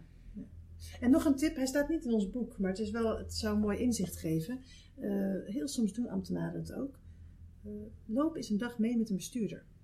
Want het is bevreemdend om te zien hoe eigenlijk, als ik vanuit de bestuurder praat, je, dus, eh, je begint om half negen 's ochtends en tot 's avonds laat, zeker op de maandagen, als er veel staven zijn of, of portefeuillehouders overleggen, hoe je gebombardeerd wordt met de meest uiteenlopende onderwerpen en mensen ook tegen jou beginnen te praten bij een startpunt waar jij nog niet was. Nee, nee, nee. Ze jumpen erin en... Ze jumpen in het. En echt letterlijk mensen die tegenover je komen zitten en die zeggen: onderwijshuisvesting. Nou, daar gaan we. Onderwijshuisvesting is heel belangrijk, want. En dan komt er een heel inhoudelijk verhaal. En het enige wat je als bestuurder denkt is: Oh, Wat- het ook alweer? Wat moet over? ik hier, waarom moet ik dit nu weten? Ja. Wat wordt er straks van me gevraagd? Hoe moet ik hier naar luisteren? Ja. Waarom praat je hier nu over? Dus we zijn de hele tijd op zoek naar een haakje om te kijken van... Oké, weet je, wat moet ik ervan vinden? Wat ga ik ermee doen? Ja. En dat haakje gaan ze vinden, meestal niet het haakje waar jij iets aan had. Dus dan heb je vier minuten. Je zet eerst een bestuurder op een dwaalspoor en die pakt dan te goeder trouw vaak iets op waar hij wat van weet en dan gaat los en dan heb je nog niks. Ja, ja, dat eh, onderwijshuisvesting, daar stond ook iets over in het coalitieakkoord. Hè? Daar ging jouw vraag helemaal niet over. Maar dat is dan de houvast. Ja. Of, of ze pakken een detail uit waar je helemaal niks mee kunt of mee wou. Ja. Het is heel bevreemdend. Dus loop eens een dag mee. Of kijk eens naar hoeveel stukken er op de, op de agenda staan bij een, eh, bij een Ja, collegevergadering. kijk er eens doorheen. Kijk eens doorheen. Ja. Je bent onderdeel van een zo'n enorme onder in- informatiestroom. Dat is best, eh, best inzichtgevend, denk ik. Dat vind ik zelf in die zin wel ingewikkeld. Is dat je aan de ene kant wil je, daar hadden we het net over, wil je zo'n gesprek beginnen met. Je wilt meteen tot de kern komen. Werkt dat ook zo? Dat een, want dat zo'n bestuurder moet heel snel schakelen over, die, over al die onderwerpen die er zijn. Moet je altijd inleiden eh, met precies het gevaar dat ze dan misschien net het verkeerde eruit pakken? Of kun je eigenlijk wel altijd die kern eruit nemen? Je kan inleiden met de kern. Je, Ja, hoeft- precies. je hoeft niet in te leiden met inhoud. En dat is wat er nu vaak wel gebeurt. Omdat men, eh, vooral veel ambtenaren waar we het net al over hadden, eh, gedreven zijn door de inhoud, expert zijn op de inhoud, bezig zijn met de inhoud en dus niet met andere dingen. Dus beginnen ze bij de inhoud.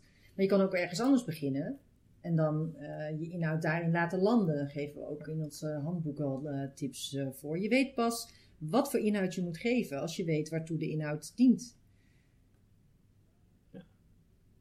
We noemen altijd het voorbeeld, vinden we leuk, van lantaarnpalen. Als je bij een bestuurder komt en je komt tot de kern van lantaarnpalen, dan weet je om te beginnen al niet wat de kern van lantaarnpalen is. Wat is de kern van lantaarnpalen? Hoeveel er zijn, eh, welke kleur ze hebben, wanneer we ermee begonnen zijn in Nederland, geen idee. Als je bedenkt, waarom ben ik hier eigenlijk? We gaan de lantaarnpalen verven. En dat is al een genomen besluit, maar nu kom ik hier omdat ik wil weten welke kleur het moet worden. Dan weet ik, oh, dan is de inhoud die ik op tafel moet leggen, heeft niets met lantaarnpalen te maken, maar met kleuren. Ik moet gaan vertellen welke kleuren er dan goed zijn of niet en waar een bestuurder uit kan kiezen. Of desnoods hoe we tot een keuze gaan komen. Moet dat ook nog naar de volksvertegenwoordigende, naar het AB of naar de raad of niet? Dan ga je heel, maar als je alleen maar als ambtenaar lantaarnpalen denkt, ik heb vier minuten, van, dan zien we altijd weer gebeuren dat het dan begint bij lantaarnpalen. Ehm, het is heel belangrijk, want eh, ja, zonder lantaarnpalen loop je in de gracht. En eh, nee, daar wou ik het niet over hebben. Nou, je hebt dus allerlei kleuren. Nee, dat ging het. Je raakt jezelf helemaal kwijt. Zeker als er maar vier minuten is. Dus denk erover na. Het is best moeilijk hoor. Is heel moeilijk. Maar dit, is, dit, dit is wel iets wat je jezelf heel goed kan aanleren. Want dit Ja, kan je niet kan je alleen bij de bestuurder doen, maar dit kan je bij, in een professionele setting altijd doen. Maar dit kan je trainen, inderdaad. Jij zei net zelf, geloof ik ook al, van ik ben er niet zo goed in, dus ik moet eh, me- mezelf daarop wijzen. Dus dit is gewoon, dit is te trainen, ja. Hier kan je eh, effectiever in worden als ambtenaar, ja, zeker. Ja, het Ja. vergt alleen dat je uit de inhoud komt. En dat is moeilijk. Dat vergt wel dat je uit de inhoud Ja, komt. dat is moeilijk als je erin zit. Ja. Maar daarom is het ook goed om mensen te hebben die met je meekijken, denk ik. Ja. En die eh, een beetje kunnen spiegelen en kunnen helikopteren. Wat ik het gek ja. daaraan vind, ik ben helemaal niet van de inhoud. Weet je? Ik heb bestuurskunde gestudeerd, dus ik ben een generalist. Maar op een of andere manier word je er toch door meegezogen. Het is een soort. Ja, want je hebt op jouw niveau ook inhoud. Want ik ben, ik ben ook met brede onderwerpen bezig op mijn werk. Maar als ik daarmee bezig ben, is het toch Is dat Op inhoud? dat is er ook inhoud. Ja. Genoeg. Ja, de- en wij, dat zal ook te maken kunnen hebben met het feit dat eh, je, je bent een, dan een bepaalde adviseur of expert. Ik weet niet wat jullie functieomschrijving is. En als je dan ook weer eh, je, ja, aan tafel zit bij zo'n bestuurder, ga je ook naar die functie, je gaat je ook naar je rol gedragen. Die wethouder gaat zich naar zijn rol gedragen, maar jij ook. Dus als je beleidsadviseur bent, ga je lopen te adviseren. Weet je, dus dan ga je ook je expertise laten gelden en je verhaal Zenden. vertellen en zenden. Weet je, dus omdat we denken dat dat bij die functie hoort en dat dat van je verwacht wordt. En wat wij proberen te doen, eh, is in ieder geval ook een, een, een, een alternatief geven. Of in ieder geval ook een ander eh, beeld daarnaast zetten. Je bent niet alleen maar daar om te zenden. Je bent ook om iets te halen. Want je moet die twee werelden bij elkaar brengen. Dus dan moet je ook die wereld gaan bevragen. Je kan niet alleen maar iets komen brengen. Je moet ook wat komen halen. Maar dan moet je wel de, de, de toegevoegde waarde van inzien. Als jij kijkt naar die wereld en denkt, ja, maar die hebben we niet, daar kan ik niets halen. Dan ga je ook niet eens je best doen. Dus je moet ook wel een beetje interesse hebben en openstaan voor wat die andere wereld in dat samenspel bijdraagt. Dat, dat we dat ook nodig hebben om een mooier waterschap te maken of een eh, mooiere gemeente. Hey, iets wat ik ook nog wel echt interessant vind, is ehm, ik werk eh, eh, bij ons waterschap aan, eh, aan participatie en steeds meer samenwerken met de omgeving. Weet je, wij komen er als waterschap achter, net als heel veel overheden, dat we het steeds minder goed alleen kunnen. Dus wij eh, moeten steeds in, en, en onze, in het constante omgevingswet en zo verandert ook de positie van overheden ten opzichte van elkaar. Ehm, je, je hebt natuurlijk de. Als je iets wil veranderen, ga je in principe de politiek in. Daar zit het vermogen om, om de wereld te veranderen. Ehm, maar wat je ook tegelijkertijd ziet, is dat, eh, dat mensen het ste- steeds meer, steeds vaker, het heft in eigen hand nemen en zelf eh, initiatieven ontwikkelen om, eh, om de wereld beter en mooier te maken. En als ambtenaar zit je daar soms tussenin. Dus je hebt aan de ene kant je politieke bestuur. ehm, dat wel gewoon, hè, zo, zo werken we in Nederland. Je hebt het politieke bestuur, die nemen daar de beslissingen over. Maar tegelijkertijd zie je dat vanuit de maatschappij steeds meer eigen initiatieven komen om de wereld te veranderen. Hoe kijken jullie daar tegenaan en ook naar de, de rol van de ambtenaar daarin? Hey, maar één, één vraag voordat wij daarvan vertellen hoe wij er naar kijken.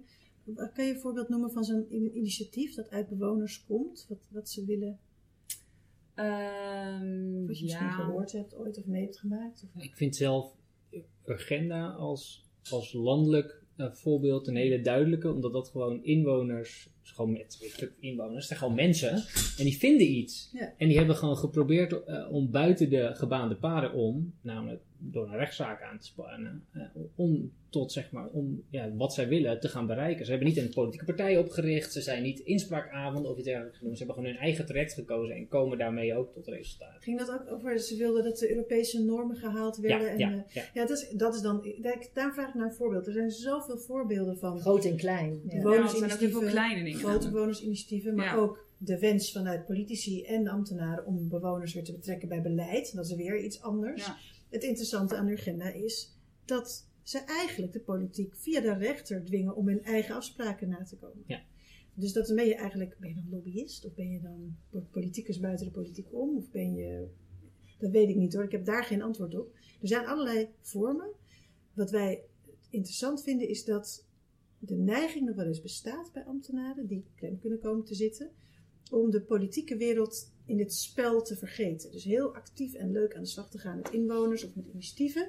En dan te vergeten dat de echte vooruitgeschoven burger, nu eenmaal in onze democratie, toch die politiek is.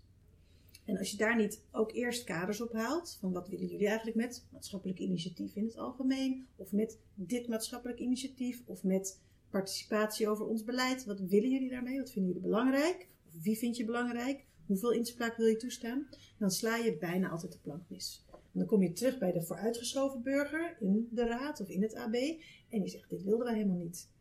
En zit je, dan zit je pas klem. Ja, want dat, dat zie je. Want je, je ziet wat er gebeurt ook met kleine initiatieven, is dat, dat mensen bijvoorbeeld zelf het initiatief nemen om. ehm, ehm, nou ja, die singleparken die je nu overal ziet, eh, ziet oppoppen in steden. Zeg maar, we gaan aan de gang met dat singlepark. Je, het waterschap wordt gevraagd om daar ook eh, in bij te dragen. En dan krijg je heel erg een soort kerntakendiscussie als je niet uitkijkt eh, met het college. Van moeten we dat nou wel of niet doen? En ondertussen gaat zo'n initiatief gewoon lekker verder. En, je, en zitten daar ook eh, blauwe elementen in, of dingen die aan onze taken raken, maar niet heel direct. En als we niet goed aanhaken, dan, ehm, dan eh, is het zometeen iets heel moois waar we, waar we toch niet bij zitten. Of, hè, of waar we de publiciteit krijgen van, goh, jullie laten het links liggen of jullie doen er niks mee. Maar als we het... wel, Overnemen. als het overnemen is het ook niet goed. We Nee. mogen het ook niet doodknuffelen, zeg Nee. maar. En daar zit ook spanning tussen. Zo van, Ja. goh, weet je, wat leg je dan voor en wat leg je niet voor? Dat is volgens mij wel een, een spanning die steeds... eh, nou, die ten opzichte van een jaar of tien geleden misschien wel echt aan het veranderen is. Weet je, dat het veel, veel normaler is nu. Omdat, en dat ze ook doorgaan zonder de politiek. Dat is namelijk volgens mij ook het... eh, Ze gaan er echt niet meer op wachten. Nee, ze gaan er niet hebben, op ze wachten. hebben- ze En als hebben de jullie niet politiek meedoen, dan uiteindelijk, niet. ze hebben de politiek uiteindelijk niet nodig. Maar Ja, dan is het toch ook prima. Het mooie is dat als je de politiek niet nodig hebt, of anderen niet nodig hebt, of whatever, dan moet je ook vooral, weet je, da- daar is onze hele eh, maatschappij op gebouwd. Dat is natuurlijk prachtig. Hè, waar je het niet, niet nodig hebt. Het wordt pas gevaarlijk als je eh, initiatieven of ontwikkelingen, als die politiek gaat vervangen. Dan wordt het gevaarlijk. Nou, ik ben ook bestuurskundige van huis uit. Kijk, als je wat abstracter gaat kijken, eh, neem ook bijvoorbeeld een referendum. Als een referendum de politiek gaat vervangen, heb je een probleem. Zie Brexit en Mhm. Engeland. Dus eh, prima, allemaal dat soort initiatieven en ook maatschappelijke initiatieven of dat de, de overheid de samenleving wil betrekken.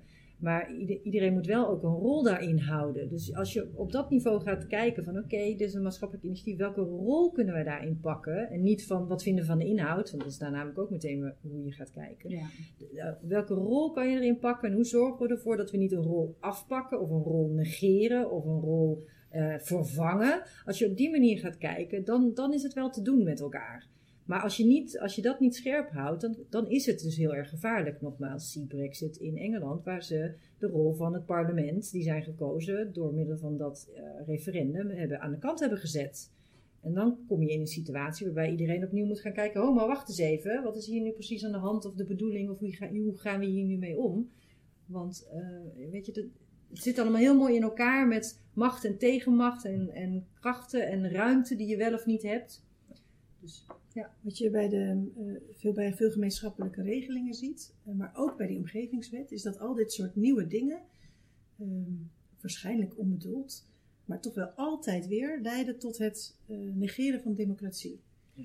Dus wij spraken iemand van- over die ook veel van die omgevingswet weet. En die zei: Ja, het was wel lastig, want ja, toen hadden wij helemaal een visie bepaald. En toen was het- wilde de gemeenteraad ook nog iets. Dat was zo'n gedoe. Wij vroegen, waarom ben je daar dan niet begonnen? Ja, dat was heel ingewikkeld, want we hebben nu met zoveel overheden te maken. Ja, als die raad dan ook nog wat gaat vinden, ja, dat is gewoon niet te Ja, doen. dat, dat, maar volgens mij is dat ook de angst van de politiek zelf. Zo van, we moeten meedoen. Dus weet je, dat, dat gevoel hebben ze ook erg. We gaan, we gaan mee in, de, in die samenwerking. Maar hoe bewaak je dan dat je in die samenwerking ongemerkt over je eigen grenzen heen gaat? Ja. Ook over de, hè, over de politieke... Ja, als ambtenaar Grenzen, over politieke ja. grenzen en als, Ja. als waterschap over je waterschapsgrens. Ja, Ja. dat is hartstikke lastig. Dat is lastig. En dat is ook een heel mooi gesprek met een bestuur. Hoe kijken zij daarnaar? Ja. En de neiging is nu wat wij merken, dat als het lastig wordt, en zeker in die samenwerking eh, of maatschappelijke initiatieven, dat je wegbeweegt van de politiek. En we hebben maar één tip in dit soort gevallen. Op je, als je het gevoel hebt dat je weg wil bewegen, moet je er juist op af. Is echt de enige remedie. Door te bevragen van wat heb jij wel nodig. Of er gewoon op af te gaan van sorry, wij krijgen het gevoel dat we jullie eh, gaan vergeten hierin. Weet je, alleen al... Dan al- juist langs. dan Ja. juist er Ja. naartoe. En dat ook gewoon zeggen. Dus gewoon op de pijn af.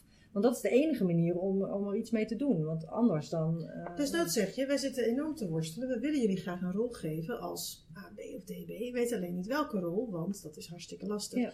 Wat denken jullie zelf? Wat zouden jullie zelf graag voor rol? Willen jullie een rol in en wanneer dan? En Wat, vi- weet je, vind je al iets of nog niks? Wie vind, me- ik kan al wel honderd vragen verzinnen die ik zou willen stellen. Nee, klopt. Dat herken ik wel. Ik vind zin- het wel mooi om ze, moeilijk om ze beantwoord te krijgen. Ja. Omdat het ook voor de politiek vaak hele moeilijke vragen zijn. En dan, gaan ze, dan vinden ze elkaar op een soort abstractieniveau waar je als ambtenaar dan nog steeds zit van. Ja. En ja. Ja. Is Maar uiteindelijk gaat het er toch om dat je moet praten met in plaats van praten over. Ja, Ja. precies. Ja, of klagen over. Ja, dat praten over is vaak over. klagen. Ja. We hebben zo vaak met die gemeenschappelijke regelingen ook gehoord. Er zitten dan 11 of 35 gemeenten en provincie en waterschappen in. En dan krijgt eigenlijk de, de raad of de AB krijgt dan te horen: eh, dit is het voorstel. Je hebt het nog niet eerder gezien, hè? Je hebt geen kader. Dit is het voorstel. Je mag er niks van vinden. Je mag, je mag het alleen maar goedkeuren, want anders zijn er nog 34 andere partners en die mogen ook allemaal niks zeggen. Nou, als je een volksvertegenwoordigend orgaan echt met de hakken in het zand wil hebben, dan moet je dit eens een paar keer proberen. Het zijn geen pak stempelmachines, hè? Pakt Ja, een rol af. En, dan, af. en dan zien we dus dat een gemeenschappelijke regeling of een ambtelijke samenwerking taboe wordt. En dan komen de verkiezingen overheen. Een aantal gemeenten hebben dit net meegemaakt. Het hoofdthema is: wij willen geen samenwerking met de buurgemeente, want wij zijn uniek. En dan ben je helemaal weg met je, met je organisatie. Het is echt heel, heel moeilijk hoor. Interessant. Hé, maar als, eh, als bruggetje dan naar, de, naar eh, een- een van de laatste vragen die we jullie willen stellen. Wat denken jullie dan dat de grootste uitdaging is nu voor ons openbaar bestuur? Jullie werken heel mooi op het snijvlak tussen politiek en ambtenarij. Ja. Ik ben heel benieuwd hoe jullie daar tegenaan kijken.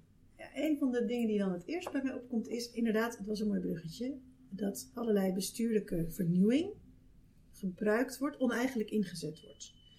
Terwijl als we ons afvragen waar komt die wens vandaan, waar komt überhaupt de urgentie vandaan om bijvoorbeeld een referendum in te voeren, dan kan je een analyse maken. Mijn analyse zou zijn, volksvertegenwoordigers moeten weer meer volksvertegenwoordiger worden. Dus of dat nou een afspiegeling is meer van de bevolking, of dat ze er veel meer eer in scheppen om ook contact te onderhouden met die achterban en draagvlak te creëren, of dat ze beter weten wat er speelt, dat, weet ik niet. Daar moet, daar moet, dat is een zoektocht, maar daar gaat het wel mis, denk ik. En je ziet ook dat lokale partijen veel beter zijn, vaak in het wel deze volksvertegenwoordigende rol goed oppakken, en daarom ook zo vaak winnen bij lokale verkiezingen. Die krijgen dat wel voor elkaar. Ja, die hebben de verbinding. Die hebben de verbinding. Ja. En misschien komt het wel omdat eh, landelijke partijen in raden bijvoorbeeld, of in, in waterschappen, toch ook nog wel een soort abstract politiek idee hebben, wat ze moeten vertalen naar de, En hun daar loop je ook niveau. heel tegenaan. Terwijl ze niet, niet, daar beginnen ze. Ze beginnen niet bij wat speelt hier wat willen we eigenlijk. Dat is toch, en dat is ook lastig. Maar, Ja, want dat is wel interessant. Daar hadden we het met, eh, in onze vorige podcast ook over. Dat je met name in die lokale politiek nu allerlei mooie onconventionele combinaties ziet. Die je op landelijk niveau niet zo ziet. Omdat daar, daar zit je zo meer in de groef van. Hè, de PvdA staat voor, GroenLinks staat voor. Terwijl die lokale partijen vaak hele combinaties maken. Ja, pragmatische Ja, je- combinaties maken. Je kunt het populistisch noemen, rondweg, je kunt ja. het ook pragmatisch noemen. Het is maar net hoe, Ja. je, het, hoe je het bekijkt, maar dat is wel... eh, het is in ieder geval vanuit de inwoner geredeneerd. Dat, daar zit een schoonheid in. Ik denk Ja. dat de winst van lokale partijen, maar ook de roep opeens om referenda of andere, dat dat echt te maken heeft met het feit dat we ons niet meer herkennen in die politieke eh, gremia. Maar dat is dus eerder een oproep richting de volksvertegenwoordigers. En de inwoners. Wij zeggen ook altijd tegen inwoners die van alles vinden van politici: ga alsjeblieft de politiek in. Ga je er tegenaan bemoeien. Dat is Ja, hartstikke dat zie, je, dat zie je, dat, dat is toch ook nu een issue, dat met name in kleinere gemeenten, dat, dat mensen er niet meer in willen. Dat ze gewoon niet meer die raad in willen. Omdat wat jullie ook zeiden van, weet je wel, je, en zeker, jullie boekje stond ook, ehm, daar was ik door getriggerd, de wethouders zijn de meest eenzame personen in ons democratisch bestel. En hun hoofd ligt op het hakblok. En zeker nu in de tijd van social media, weet je wel, als je niet uitkijkt, word je echt gefileerd natuurlijk.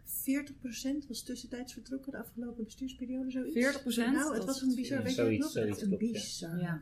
getal. Ja. Maar ook dat mensen gewoon, maar ook de raad, weet je wel, wie, wie, eh, wie wil er nog in? Ja. Nou, en zeker, wie wil er nog in als we er maar op blijven zaniken. Ja, Want dat wordt natuurlijk ook gewoon een, een race to the bottom. Er, er is, wordt zo op neergekeken dat als jij zelf al goede ideeën hebt of je vindt jezelf iets waard voor het openbaar bestuur, denk je, ja, dat is dan niet de plek om het te gaan doen, want dat, dat zijn allemaal prutsers. Dat is echt een heel groot probleem. Dat tij moeten we keren. Dus dat, dat, hoe moet keren we dat dan? ja, dat weet ik niet. Nou, weet je ook wat... Wij proberen dat al iedere keer in ons eh, werk eh, te doen. Of als we met mensen werken. Of we praten ook heel veel met mensen die ook denken om de politiek in te gaan. Dus dat, eh, dat ze ook een reëel beeld krijgen. Je wil namelijk ook niet allemaal mensen in de politiek met één drijfveer. Namelijk, ja, ik denk dat ik het beter kan dan degene die er Ja. nu zit. Dat is natuurlijk niet een drijfveer die je moet hebben om de politiek in te gaan. Nee. Je moet een inhoudelijke beeld hebben van... eh, ik wil mijn gemeente of ik wil het waterschap die kant op hebben. En ik, eh, weet je wel, daar wordt... ik- Je moet, ja, De wereld mooier maken. Ja, Dat precies. is een heel klein veranderen. Ja. Ja. Wij worden heel verdrietig als wij politici vragen: wat is je drijfveer? Waarom ben je hier? Waarom ben jij hier nu? En ze zeggen: ja, ik ben gevraagd. Of ik was toe aan een volgende stap. Het is geen carrière. hè. Je moet wel ergens die drijfveer hebben. Maar Ja. veel meer mensen hebben die, dan, hebben die dan je zou denken. Die willen iets goeds voor hun eh, gemeente. Of waterschap of provincie. Ja. Wat je wel vaak ziet is dat mensen melden zich aan bij een politieke partij met de ambitie om staatssecretaris te worden of, Ja. eh, of wethouder. Terwijl er ook eh, bepaalde waarde is, een bepaalde, om, het ook, om het vak ook te leren, om eerst, om eerst volksvertegenwoordiger te worden. En ik zeg niet dat het oude model waarin je een heel pad moet doorlopen nog per se eh, goed is, maar ik heb ook wel eens het idee dat mensen toch wel ehm, heel veel, ja, hoe zeg je dat? Eh, eh, shortcuts willen, willen nemen om meteen maar die positie zeg maar, Ja, te alsof het een carrièrepad omhoog is ook. Ja. We zijn, het is een dubbel, want je hebt gelijk, het moet niet een. eh, het is handig als je het vak leert. Aan de andere kant, er zijn mensen die geschikter zijn voor bestuur en er zijn mensen die geschikter zijn voor volksvertegenwoordiger. En Het zijn echt twee hele verschillende beroepen in dat Ja, opzicht. Het is ook wel mooi als je dat weet van jezelf. Alleen omdat volksvertegenwoordigers zo'n slechte naam hebben, nog meer dan wethouders volgens mij, of bestuurders, denk ik dat, dat, dat je daar minder eer in schept om in te zitten.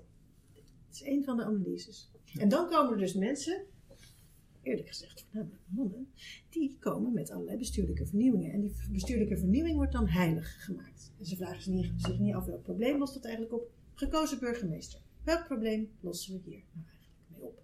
Geen idee een, kennelijk een democratisch hiaat. Terwijl je ook zou kunnen zeggen in de praktijk nu, pragmatisch, de raad stelt voor, die zijn door ons gekozen, in 100% van de 100 gevallen, hè, 100% van de gevallen wordt die ook uiteindelijk benoemd. Waar zit het hiaat? En wat kost het je als je een burgemeester, zo'n burgemeester hebt? Het hele systeem van de democratie gaat schuiven. En er zijn, is niet het begin van een antwoord op hoe dat er dan uit komt te zien. Het is een bizar verschijnsel. En het, moet, het is een heilig moeten geworden. Nou, heel stom. Grote bedreiging. Hmm. Interessant, hè? Ja. Hey, laatste vraag. Ehm, is er nog een advies dat jullie alle ambtenaren willen meegeven? Want eh, wij zitten hier toch als ambtenaren. Ik wil nog één ding zeggen. Ik vond het in jullie boek wel echt heel veel ook liefde voor het vak. En dat is een compliment. Want weet je, ik denk dat ambtenaar een heel mooi vak is. En een terugkerend iets in onze podcast is dat er soms een beetje, beetje schamper over wordt gedaan als je ambtenaar bent. Terwijl wij alle twee met heel veel overtuiging en heel veel liefde voor de publieke zaak werken. En dat komt wel echt uit dit boek naar voren. Dus daarom dachten we, weet je wij willen graag afsluiten met jullie advies naar de ambtenaren in Nederland. eh goh, weet je wel, wat wil je ons nog meegeven? Ja, dat is dan, dat dan toch ook daarbij aansluitend. eh, eh, dank voor het compliment, want daar doen we het inderdaad ook voor. Wij, hebben, wij hebben zelf natuurlijk ook een enorme passie voor eh, politiek en voor de politieke wereld. En de tip die wij ambtenaren ook altijd geven is: verdiep je eens wat meer in die politieke wereld. Want Als je het beter gaat begrijpen, ga je er ook de, meer lol aan beleven en gaat het je werk ook een stuk makkelijker maken en daardoor leuker, want je kan veel eh, meer ook betekenen in die politieke wereld. Of voor elkaar krijgen. Of samen in ieder geval ook voor elkaar krijgen. Dus dat is dan toch wel onze tip. Beweeg vooral naar die politieke wereld toe. En leer ze kennen. En zie je de lol ervan in. Geniet ervan. We zeggen ook wel eens, hè, zo'n raadsvergadering. Eigenlijk is het gewoon een politiek theater. Eh, geniet er dus ook van, als zijnde theater. Dus eh, ja, dat, dat is eigenlijk wel de belangrijkste tip om te geven. Daar sluit ik me helemaal bij aan. Ja. Ja, heb je nog iets aan toe te voegen? Nou, dat is een gewetensvraag. Dit zou, dit zou al heel mooi zijn. Ehm, stel meer vragen. We hebben het al gezegd. Begin gewoon eens, want daar heb je niets en niemand voor nodig. Gewoon eens met meer vragen te stellen. Kunst soms vragen stellen. Ja. Ja. Het is een prachtig instrument dat echt eh, ondergeschoven is. Hartelijk dank. Ja, wat superleuk. Ja, ik Dankjewel. vond het een heel leuk gesprek. En Ja, ik, hoop dat, jullie, leuk. ik Ja. hoop dat jullie vrienden van de show eh, kunnen Oh ja, worden. jee! Dat, eh, maar daar hebben we het nog wel over. Ja. Dit was de podcast Publiek Werk, gemaakt door Jarno Deen en Laura Huigens. De muziek is van Bart de Jong. Vond je dit nou leuk? Vertel dan alsjeblieft aan je vrienden, familie en collega's en vergeet niet om onze podcast een recensie en sterren te geven. Dankjewel.